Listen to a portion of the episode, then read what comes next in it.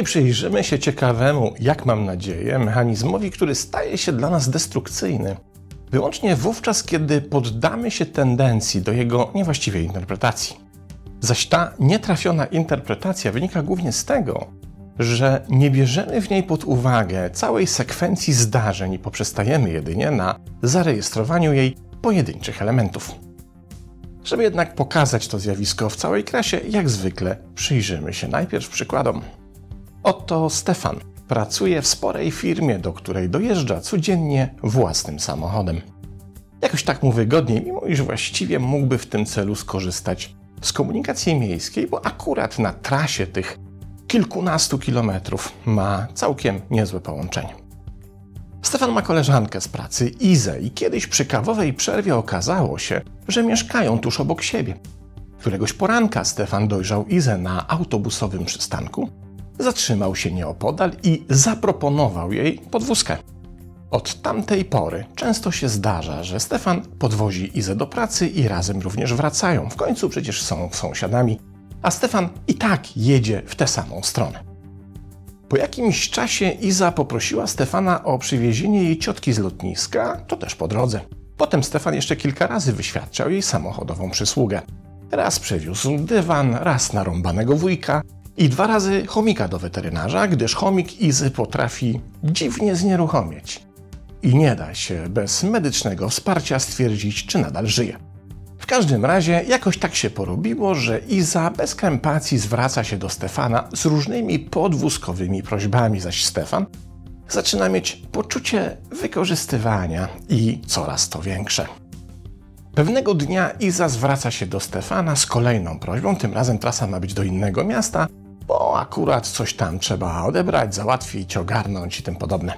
Jednak tym razem Stefan z dużą dozą uprzejmości odmawia Izie. Mówi: Wiesz, trochę mnie wykorzystujesz i nie czuję się z tym dobrze. Myślę, że powinniśmy już sobie odpuścić tę transportową współpracę. Tyle razy już cię podwoziłem, że chyba zapracowałem teraz na podwózkową emeryturę i odpoczynek. Po tych słowach Stefan spodziewa się, że jego przemiła koleżanka Iza powie coś w stylu: Nie, no jasne, spoko, masz rację, trochę chyba przeginam z tymi prośbami. Sorry i wielkie dzięki za dotychczasową pomoc. Jednak reakcja Izy jest zgoła inna. Mówi: Wiesz, okej, okay, rozumiem, ale jeszcze ci tylko powiem, tak żebyś wiedział, to nie żaden hejt, tylko chcę, żebyś miał szansę to zmienić. Ale tak naprawdę to fatalny z ciebie kierowca. Przez te wszystkie razy siedziałam w twoim samochodzie z duszą na ramieniu i czułam się bardzo niekomfortowo. Weź może się rozejrzyj po rynku, są przecież jakieś kursy, żebyś mógł się na nich nauczyć normalnie jeździć. Wiesz, zawsze warto się zmieniać na lepsze, nie? Przykład numer dwa. Oto Grażyna. Tym razem Grażyna jest autorką dobrze sprzedających się e-bookowych poradników z cyklu jak wycinać pryszcze w Photoshopie, żeby ich nie było widać, albo 30 sposobów, jak udawać, że się dobrze bawi, kiedy znajomy opowiada ci wciąż te same historie.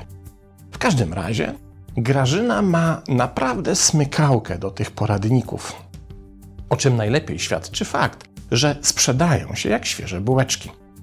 W świecie poradniczym więc Grażyna ma silną pozycję i rozpoznawalne nazwisko. To zaś sprawia, że zgłaszają się do niej co róż różni początkujący autorzy poradników, by skorzystać z jej rad i doświadczenia. Obecnie takim zafascynowanym kunsztem Grażyny jest Kazik, który już po raz trzeci pisze do niej maila z prośbą o podpowiedź, jak ma się zabrać do napisania własnego pierwszego poradnika. No więc Grażyna uprzejmie odpisuje Kazikowi po raz kolejny, odpowiadając szczegółowo na jego pytania i za każdym razem życząc mu powodzenia w kroczeniu już własną zawodowo-poradniczą ścieżką. Jednak po każdej jej odpowiedzi Kazik znowu wysyła maila z jakimś pytaniem i Grażyna zaczyna mieć wrażenie, że facet przylgnął do niej na stałe. Rozumie, że gość się jara jej wynikami pracy i sam chce też dojść do takiego poziomu, ale ewidentnie nie rozumie lub celowo nie chce zrozumieć, że nadużywa jej uprzejmości i cierpliwości. W końcu w ostatnim mailu Grażyna uprzejmie i delikatnie, ale jednocześnie stanowczo cytuje mu refren pewnej znanej piosenki, a mianowicie słowa biegnij dalej sam. Jednak na tym ich korespondencja się nie kończy, Bo Grażyna dostaje jeszcze od Kazika ostatniego maila, a w nim, oprócz oczywiście podziękowań za dotychczasową pomoc, znajduje się jeszcze jedno zdanie. Tak jeszcze na koniec pani powiem, że w tych dwóch ostatnich pani e-bookach znalazłem sporo błędów. Warto je poprawić, żeby taka skucha nie szła w świat. Bo przecież i mi, i pani zależy na tym, żeby pisać świetne, najlepsze na rynku poradniki, prawda? Teraz już widać w tych dwóch przykładach, które wydają się z zupełnie innych bajek, pewien wspólny mianownik. Zaś, żeby zobaczyć skutki trafionej i nietrafionej interpretacji sekwencyjnej, o której wspominałem na samym początku, musimy zajrzeć na chwilę do głowy bohaterów tych przykładów. Na początek więc wchodzimy do głowy Stefana. Uwaga!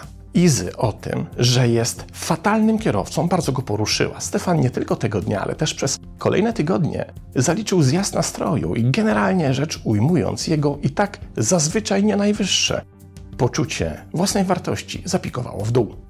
Przyłapał się na tym, że mimo iż do tej pory lubił jazdę samochodem, teraz zaczyna jej unikać i coraz częściej wybiera autobus na dojazd do pracy. Kiedy zaś siedzi w samochodzie, nie może się pozbyć tego dziwnego uczucia wątpliwości pomieszanych ze wstydem.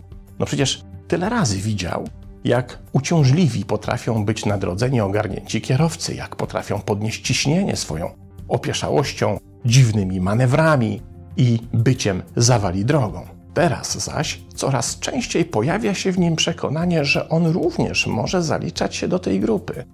Wręcz stoją mu przed oczami te wszystkie wyzwiska i kalumnie, które musiały być przez innych kierowców rzucane pod jego adresem, bo przecież na pewno na niego klną, jak tylko pojawi się na drodze.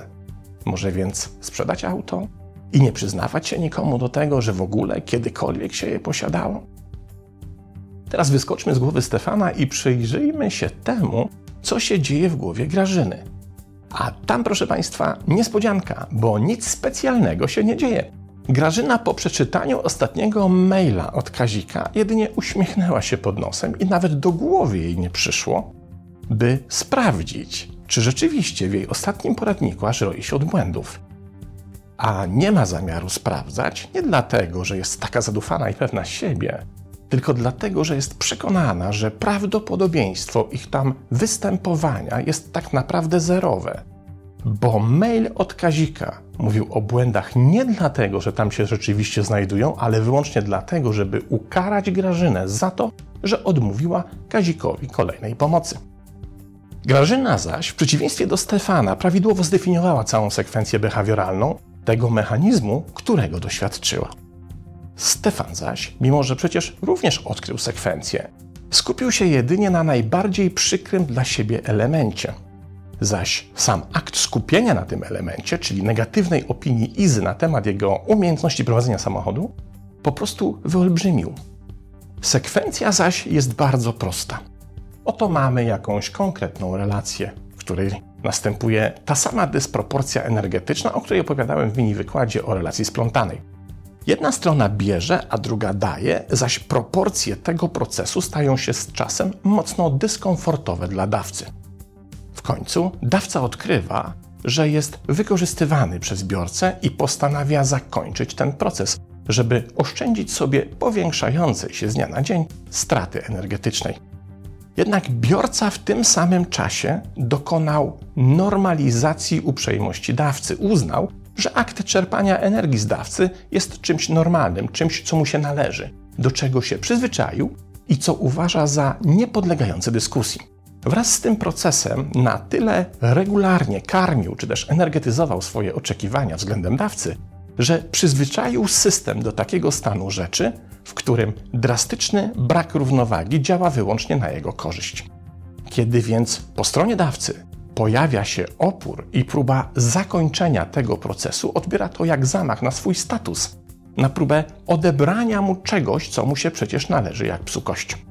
Kiedy jednak okazuje się, że po stronie dawcy opór jest stały i dotychczasowa sytuacja już jest nie do uratowania, pojawia się w nim nieznośny rodzaj napięcia, w którym mieszają się dwa skrajnie silne faktory. Z jednej strony pojawia się więc napięcie, towarzyszące poczuciu odrzucenia, a z drugiej dyskomfort wynikający z poczucia odebrania własności. to podobny mechanizm emocjonalny, którego doświadczamy, kiedy ktoś nam coś ważnego dla nas odbiera. Trochę to przypomina taką sytuację, w której wyobraźmy sobie, że ktoś nam płaci co miesiąc na przykład 1000 zł. I tak przez dwa lata. Nie wiadomo za co, ale wiadomo, że regularnie. Kiedy po dwóch latach przestajemy otrzymywać tego tysiaka, to poczujemy się okropnie. I na nic się zdadzą zdroworozsądkowe tłumaczenia, że przecież ta pensja nam się kompletnie nie należała, bo nawet nie wiemy, za co ją otrzymaliśmy. Jesteśmy po prostu źli i rozczarowani, że to Eldorado się skończyło. I właśnie ta frustracja staje się motorem, który napędza zachowanie Izy oraz Kazika. Sami się źle poczuli ze świadomością, że coś im zostało odebrane, więc by pozbyć się napięcia, mszczą się na dotychczasowym dawcy, by i on poczuł się równie źle. I błędy w poradnikach Grażyny, czy rzeczywiste umiejętności Stefana w prowadzeniu auta nie mają tutaj żadnego znaczenia. I tutaj pojawia się pytanie, czy przed taką sytuacją możemy się obronić? Czy możemy się jakoś zabezpieczyć na przyszłość, by takiego mechanizmu uniknąć? Najlepiej w tym celu byłoby zrezygnować z uprzejmości w ogóle i nigdy nikomu nie pomagać czy nikogo nie wspierać. Ale życie bez aktów uprzejmości byłoby tak naprawdę koszmarem.